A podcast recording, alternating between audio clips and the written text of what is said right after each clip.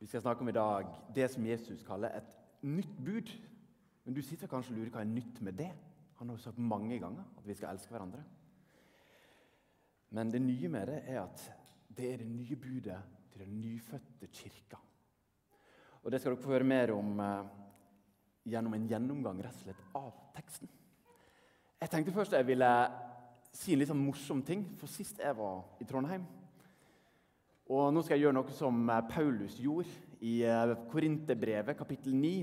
Når han sendte brev til korinterne, og så har dere hørt hvor mye menigheten i Akaya ga, eller? Kanskje dere også skal ta og gi litt til denne misjonsinnsatsen? Men det jeg opplevde da jeg var sist her i Trondheim, var at jeg var med titalls studenter. Og jeg vet ikke om dere som ikke er studenter, husker hvordan den tida var. Men det er jo litt trangere kår enn det en får når en kommer inn i yrkeslivet. Og ja, ja, En får riktignok huslån, og alt det der, men etter hvert så har en det ganske romslig. Disse ti studentene vi snakker sammen om denne visjonen og drømmen om at enda flere skal få lov til å høre evangeliet i Norge. Av de 186 000 videregående elevene, og de 190 000 ungdomsskoleelevene og flere hundre tusen studentene. Og så, og så tenkte vi hva skal til? Og så møtte jeg i denne studentflokken en sånn her giverglede og givervilje som sjokkerte meg.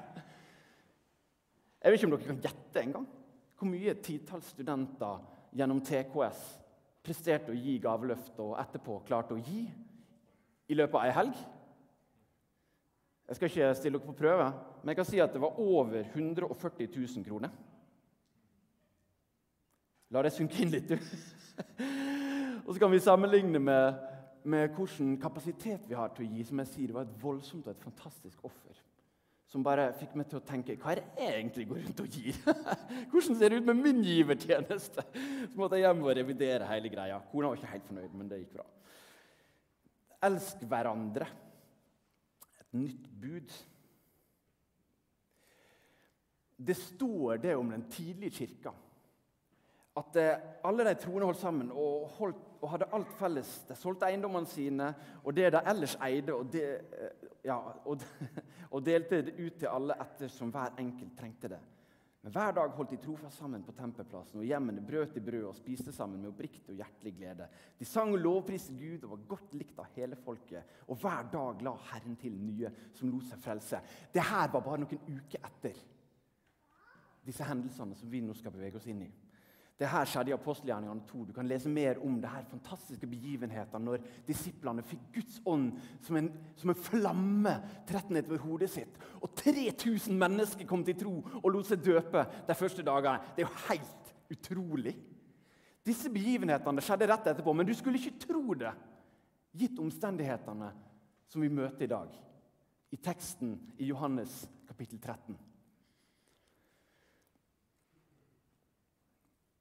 Og vi kommer på mange måter midt inn i den indre kjerne rundt han som jo er kanskje den mest kjente personen på jordas overflate også i dag. Og så får vi liksom et innblikk i hvordan ser det ut i den innerste kjerna rundt Jesus Kristus. Og De har hatt påskemåltid, og de har samtalt mye. og Johannes gir oss et glimrende innblikk i det.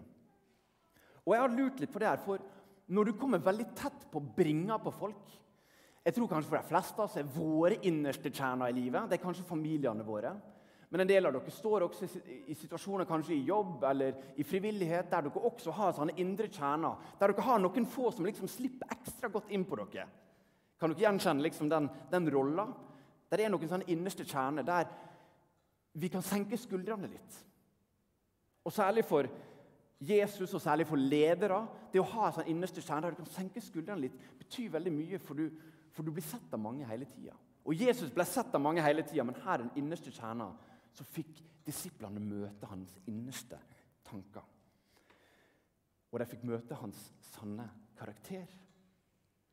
Det leder meg til en sånn tanke. Hvordan er det å være i innerste kjerna til f.eks. Erna? Erna Solberg, statsministeren vår. Når uh, hun fikk vite om koronapandemien i mars i fjor og innførte de strengeste tiltak siden krigstid i Norge. Hvordan må det ha vært å være tett på henne i den prosessen der? Eller hvordan må det ha vært å være tett på Winston Churchill under krigen? Og føle liksom nervene hans indre kamper, hvordan det var for han å lede utad, men også i den innerste kjerna. Hvordan så det ut? Eller hvordan var det å være i den innerste kjerna når disse tolv klubbeierne drøfta hvorvidt en skulle starte Super League. Hva karaktertrekk kom til syne hos disse her lederne og eierne for de som sto det aller nærmest? Først når de planla kuppet, deretter når kuppet feila. Hva type menneske bak lederskapet ble avslørt? Jeg synes Det er interessant fordi vi har en tendens til å opphøye enkeltpersoner. Jeg tror i vår tid, og jeg tror til alle tider. Men eh, du kan si gjerne gjennom sånne program som Idol, som jo ganske bokstavelig talt betyr avgud, men som vi underholder oss med på fredag kveld, og andre typer popstjerner og lignende som vi ser opp til, de tror jeg veldig mange opplever å være gjenstand for en type avgudsdyrkelse. Mange mennesker retter liksom blikket mot deg og ser lengselsfullt etter å ha det som de har. Kan du gjenkjenne noe av det her, eller? Er det noen sånne i ditt liv som du ser lengselsfullt til og tenker jeg kunne ønske var som deg? Da hadde jeg bare hatt det litt mer. Vel, Justin Bieber, en som har vært der, som veldig mange, særlig unge, lengter etter å være. Han har blitt sett, han har blitt beundra, han har hatt makt, han har hatt penger. Damene falt pladask for han overalt hvor han gikk. Han hadde det så fett. Han fant ikke tilbake til livet før han møtte Jesus. Og Han ga ut en singel bare for noen måneder siden der han bare hyller Jesus Kristus som sin konge. Jeg anbefaler dere å google 'Freedom' hvis dere har lyst til å høre mer. I en av sangene som heter 'We're In This Together', så synger han det her. Jeg har hatt alt i livet som mennesket lengter etter, bare for å spørre meg selv Er det dette jeg lever for? Hva tror jeg på? Hva er jeg enig i? Og hva ville jeg dødd for? Fins noen hensikt? Er det mening? Hva er verdt å sørge for? Folkens, Det fins gode, heldigvis, ledere både av landet vårt og i verden. Men å se til deg som sitt endelige håp, det er som kong Salomo sier, jag etter vind. Men å se til Jesus Kristus som leder, det er fascinerende. Og Nå skal vi se på hva karaktertrekk ble synlig hos Jesus Kristus i den mest pressa tida av hans liv og virke. Og Jeg vil trekke ut tre punkt av teksten i dag. Det første er under press avdekkes vår sanne natur. Det andre er at på sin mørkeste dag avslørte Jesus sin fullkommenhet. Og det tredje er at kirkens kjærlighetsbud fødes ut ifra Jesu kjærlighetserklæring. For det første, Under press avdekkes vår sanne natur. Jeg skal ikke tenke lenger tilbake enn for noen dager siden når jeg skulle prøve å få barna mine påkledd. Og Du er i den situasjonen at du har sagt det fem ganger allerede. Ingen har hørt på det, og du lurer på fungerer ikke stemma mi. Er det noe i veien med lydbølgen her inne i rommet? Eller er det hørselen deres kanskje som er problemet? For ingen hører på meg. Og så kjenner du at tida begynner å røyne på, det er fem minutter til skolen begynner, og du skulle gått for fem minutter siden. Og så kjenner en bare at min sanne natur kommer til syne. Og jeg kjefter på å smelle og får det iallfall fart på dem. Men det er ikke så veldig flatterende. Dere har kanskje sånne situasjoner der dere umiddelbart gjenkjenner at oi, ja, når jeg kommer under press, så er det ikke direkte flatterende, det heller. Men Jesus var altså her i samtale med disiplene sine under påskefeiringa på det øvre rommet. Og De hadde akkurat feira tradisjonell påske og Jesus hadde akkurat snakka til dem om hvem han var, og hva han skulle gjennomgå. Og så får vi med det her vers 30 i tekstlesinga. Da Judas hadde fått stykket, altså brødet fra Jesus, så gikk han straks ut. Så står det bare 'det var natt'. Det var natt, så det var jo mørkt ute, bokstavelig talt. Og på ei tid uten elektrisitet så var det virkelig mørkt ute. Men det var mer enn bare ei mørk natt. Dette var Jesus sin mørkeste stund. Og han så en han hadde tilbrakt tre år med, inn i øynene. Og sa til ham, 'Gå og gjør det du må gjøre.' Og så gikk han. Kan dere tenke dere hva type press det var Jesus var under i den situasjonen der? Like før Jesus forlot han, hadde Jesus også avslørt noe som etterlater jøder på den tida, med ingen tvil om hva han påstår. Han sa det som Gud hadde sagt til Moses gjennom en brennende busk for flere hundre år siden. Han fortalte deg, han fortalte deg hvem han var. Jeg er. Jeg er. For en påstand! Og Likevel så er det som slår oss i møte med det som skjedde med Jesus, hans veldig menneskelige trekk. For idet Judas Iskariot går ut av den øvre salen, så står det at Jesus blir rysta i sitt indre. Dere vet at Å bli rysta betyr å riste. Han skalv der han satt. Han gråt kanskje.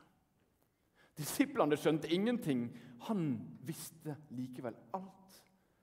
Og han var rysta i sitt indre over at han nå var i ferd med å bli sveket. Og han visste hva som kom. Når du stirrer noen inn i øynene dine, være seg en god venn eller kollega eller noen andre, og du vet at de har baktalt det, de snakker dårlig om det, de vil det ikke vel, de, de brygger opp til maktkamp mot det hver gang dere møtes. Hva føler du da? Hva gjør du da? Jesus' sin respons her var en dyp sorg og fortvilelse. Og det er så menneskelig å sørge. En skulle ikke tro at Gud sørger, men her kommer Jesus Kristus og sørger og er rysta. Men i en stund under press så stoppa ikke Jesus med å være rysta. Hans følelsesspekter var langt større sjøl under de omstendighetene. Han viste også dyp omsorg. Ja, Dere husker budet, det nye budet? Han satt der etter å ha blitt sveket og sa Men husk da, dere. Elsk hverandre. Ha kjærlighet for hverandre. Han var også tålmodig, for i teksten like etter det vi nå leste, i vers 37, så kan du høre at Peter Peter, nok en gang brygge opp til liksom sånn her Ja, men Jesus, altså, du kan ikke mene det her, type påstander. Han kan jo ikke ha skjønt bæret her, og Jesus akkurat sagt at 'jeg er', 'jeg er'. Og så kommer Peter nok en gang og sier altså, 'Kan ikke vi bli med deg dit du skal gå?' Selv om Jesus akkurat har sagt dere kan ikke bli med meg. Men Jesus er ikke sånn her oppfaren og sint og utålmodig og sier 'Peter, nå må du skjerpe deg, ta deg sammen.' For er du så, er så i nøtta som det der? Herlighet! Jesus er bare tålmodig så bare forklarer han det til ham nok en gang. Det er så godt for meg å vite. For i min utålmodighet så vet jeg at hos Gud så møter jeg en helt annen raushet enn det jeg sjøl er i stand til å gi. Og så gjorde Jesus én ting til som fascinerer meg. For du skulle ikke tro at Gud trengte fellesskap. Men tenk på det, det er Jesus Kristus fra Nasaret. Gud sjøl trengte å være sammen med vennene sine. Det er et perspektiv å ta med seg for de som i dag sier at jeg trenger ikke et menighetsfellesskap. Jeg kan bare høre på podkast. Jesus trengte sine aller nærmeste, og han var lag med dem. Vet du hva Jesus er så beundringsverdig? Når du kommer tett på bringa hans i hans mest pressa stund, der han vet at det ikke bare skulle Judas Iskariot var den som sørger for at han ble tatt og henrettet mobben, men alle de elleve andre skulle også forlate han, og den han skulle innstifte som leder av kirka, skulle fornekte han samme kveld. Kan du tenke det? Det, det, er, bare, det er, litt i meg som har hatt lyst til å liksom gni det inn for deg. Bare fortelle deg sånn at det er det her som kommer til å skje dere. Skjerp dere, ta dere sammen nå. Vi blir satt under press hele tida.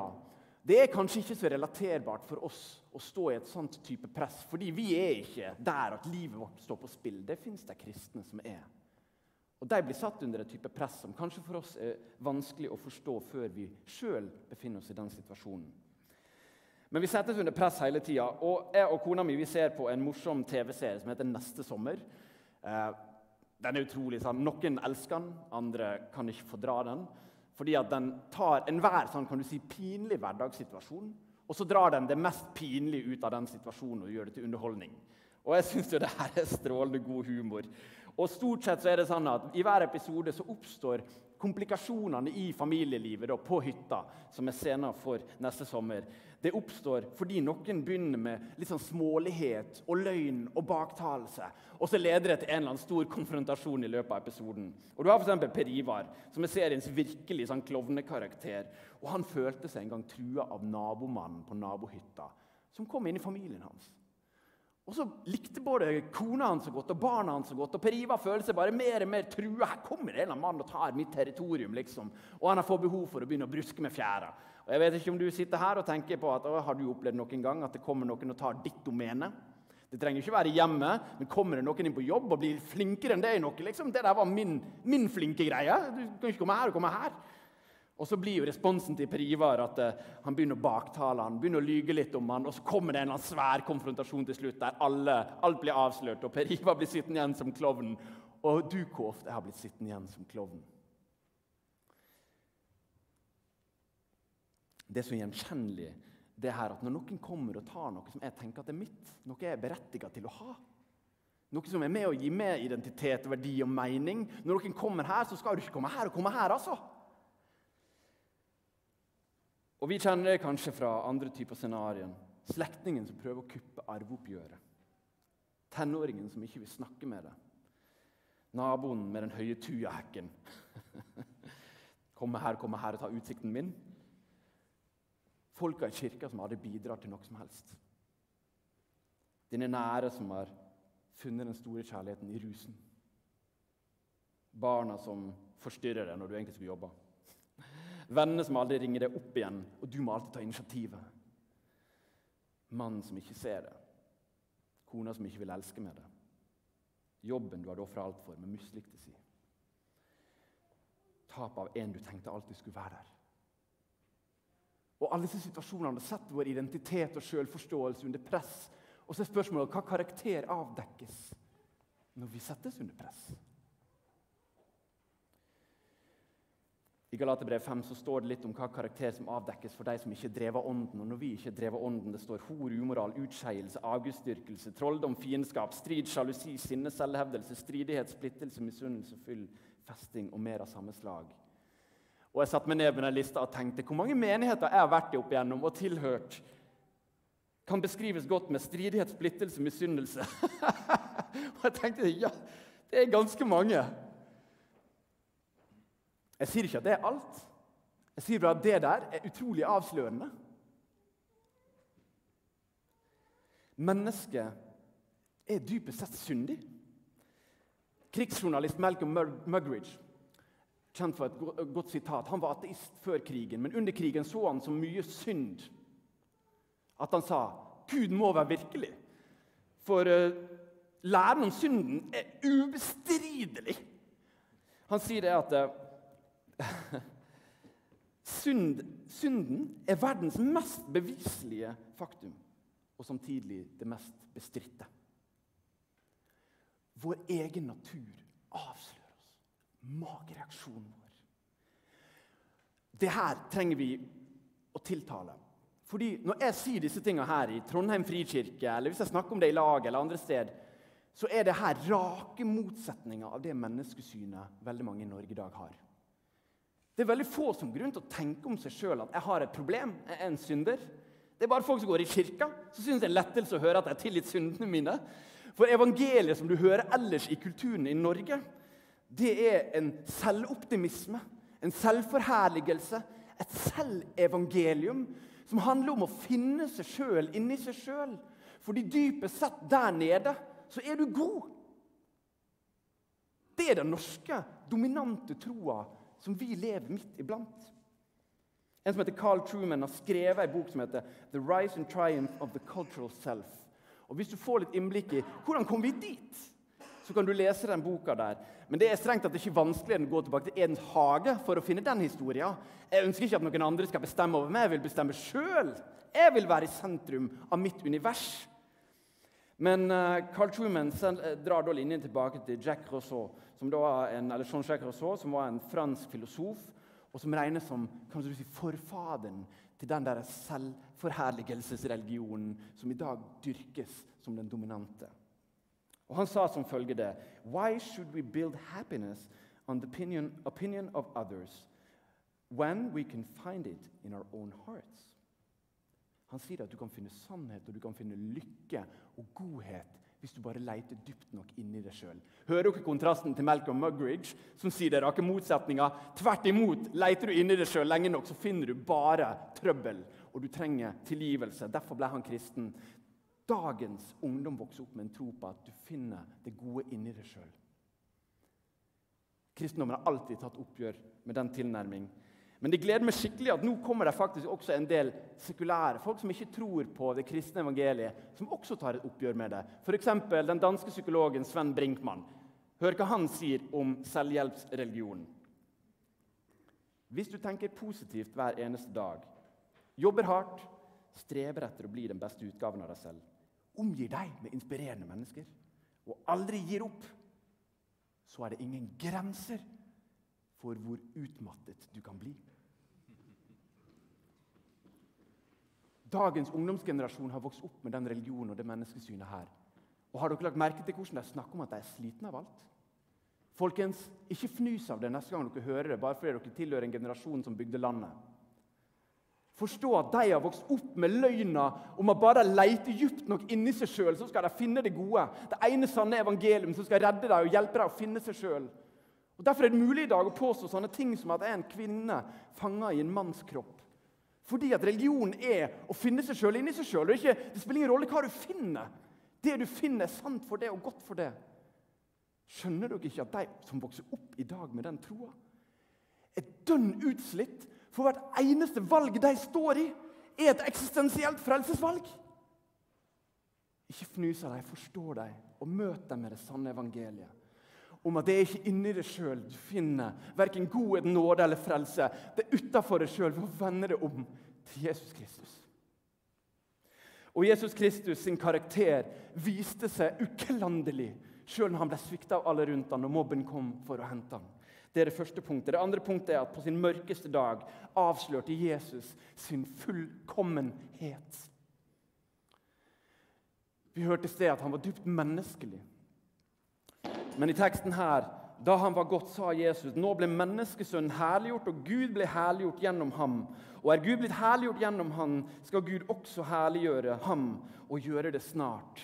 Her får vi møte nok en påstand fra Jesus om at han er løfta opp og herliggjort nærmest ensbetydende med sånn som Gud er herliggjort. Og Johannes ifølge teologen Andrew Corners gjør et stort poeng ut av det gjennom hele evangeliet. at Jesus og Faderen er uatskillelige enheter. Det du vet om Jesus, det vet du om Faderen, og det du vet om Faderen, det vet du samtidig om Jesus. Jesus er Gud! Jesus er den sanne, evige Gud som var der før alle ting, og kommer til å være der ved verdens ende. Og Jesus blir herliggjort. 'Nå ble jeg herliggjort', sier Jesus idet Judas går ut av rommet og skal svike ham.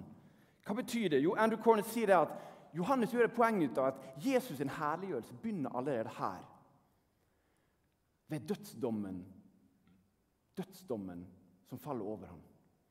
Og Den strekker seg gjennom korsfestelsen, der han nagles korset. Og Den strekker seg inn i grava, der han blir lagt. Og ut i gravhagen, der han har stått opp igjen.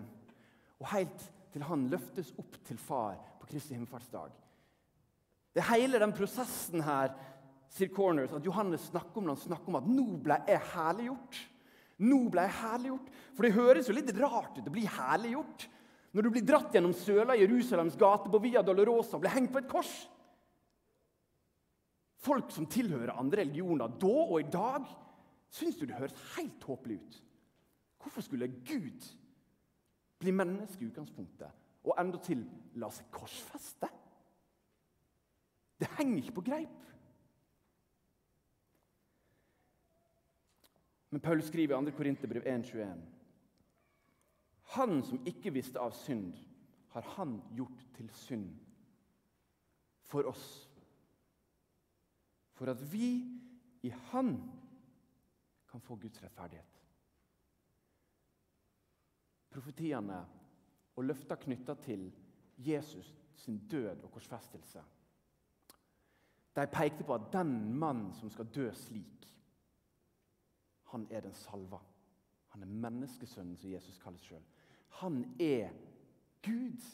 Med andre ord så var det en korsfestelse og en henrettelse, og det var avskyelig å se på. Og jeg hadde grått om jeg så det. Jeg hadde grått om jeg så det i dag. Men det var også en kroning. Husk det, Jesus er en annerledes konge. Han er ikke lik noen konger vi vet. Når Jesus bøyer seg ned og vasker disiplenes føtter, så er det som om i vår forestilling som om kong Harald skulle kommet hjem til det og gjort husarbeidet ditt. Det er mye mer dramatisk enn det bildet, men bare det bildet hjelper oss til å se hvor ute av sin plass Jesus var. Det er fordi Jesus er så annerledes enn alle andre konger vi vet. Jesus er ikke ute etter vår anerkjennelse. Han er ute etter å tjene oss. Jesus lot seg altså gå på en kroningsseremoni der han måtte bære sitt eget kors med 40 piskeslag på ryggen der han gikk og ble hengt på korset og fikk ei tornekrone istedenfor ei gyllen gulltrone full av diamanter som han hadde fortjent. Men det var likevel kroninga av det mest annerledes kongen verden noen gang hadde sett. Som brakte til oss et kongerike der han sier at de første skal bli de siste, og de siste skal bli de første. Når disiplene krangla om hvem av oss er størst, så sa han hør her, den av dere som er størst, er den som vil være liten. Den av dere som vil være først, er den som er sist. Jeg plasserer meg ofte i høyre felt på motorveien. Bare for å minne meg om det. Jeg har en naturlig tilbøyelighet til å legge meg i venstre felt og kjøre forbi. Men jeg trenger bare å av og til velge den lengste køa for å minne meg på hva Jesus har kalt meg til. Han har kalt meg til å være sist, sånn som han valgte å være sist. Så herliggjøringa av Jesus skjer gjennom lidelsen og kroninga hans. Men det skjer også inn i grava og idet han bryter gjennom grava. Og jeg vet ikke om dere har tenkt på, Hvorfor rulla steinen vekk? egentlig? Han kunne jo bare gått rett gjennom steinen.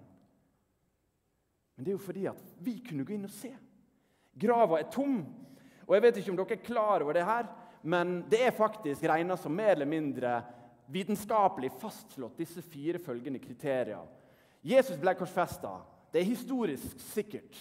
Jesus ble lagt i en grav. Det er historisk sikkert. Grava var tom. det er historisk sikkert. Og etterfølgerne til Jesus trodde at Jesus var stått opp igjen.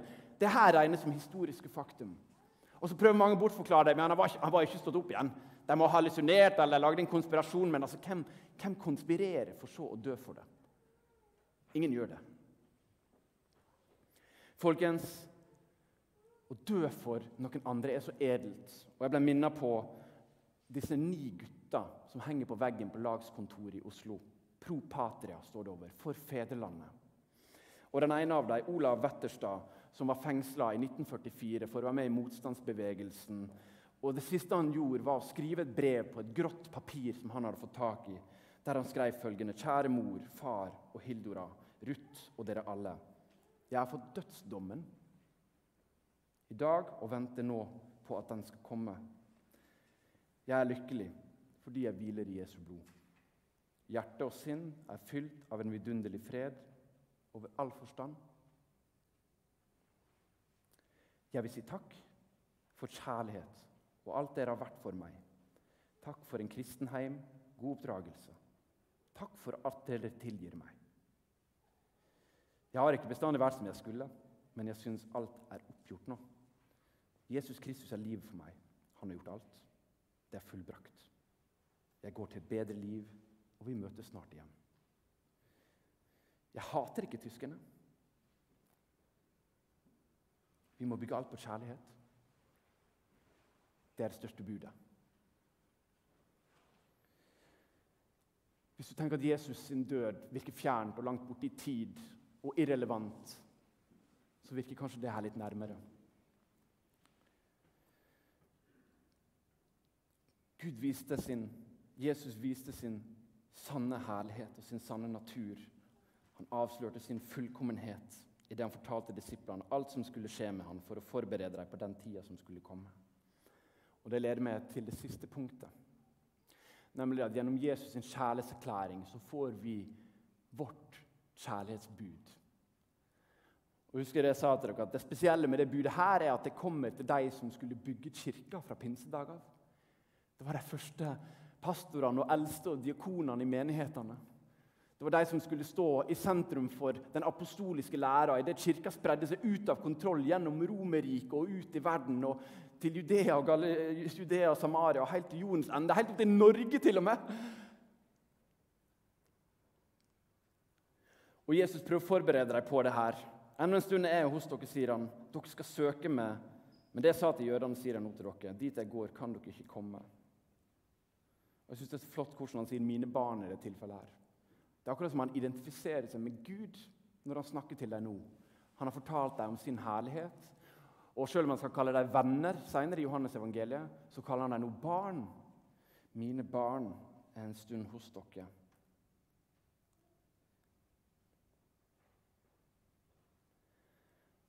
Og Tenk på det, da, ut ifra det disiplene opplevde. Og husk det, De to neste kapitlene så fortsetter Jesus å prøve å overtale. Jeg folkens, jeg skal dø, og så skal jeg stå opp igjen. Men de skjønner det fortsatt ikke. Står, står svart på hvitt. De skjønner det fortsatt ikke. Så når han ble hengt på korset, trodde de at nå er det over. Det er game over. De trodde det var slutt. Så når han sto opp igjen og viste seg for dem, så var ikke det noe jødene gikk rundt og forventa. Ei heller disiplene. Men idet han begynte å legge ut ordet for dem, f.eks. til Emmaus-vandrerne, så våkna disse her påminnelsene til liv igjen. Han sa det jo! Det var det han mente! Jo, men det kunne jo ikke være Jo, det kunne jo Nei, det kunne Jo! Han er stått opp igjen!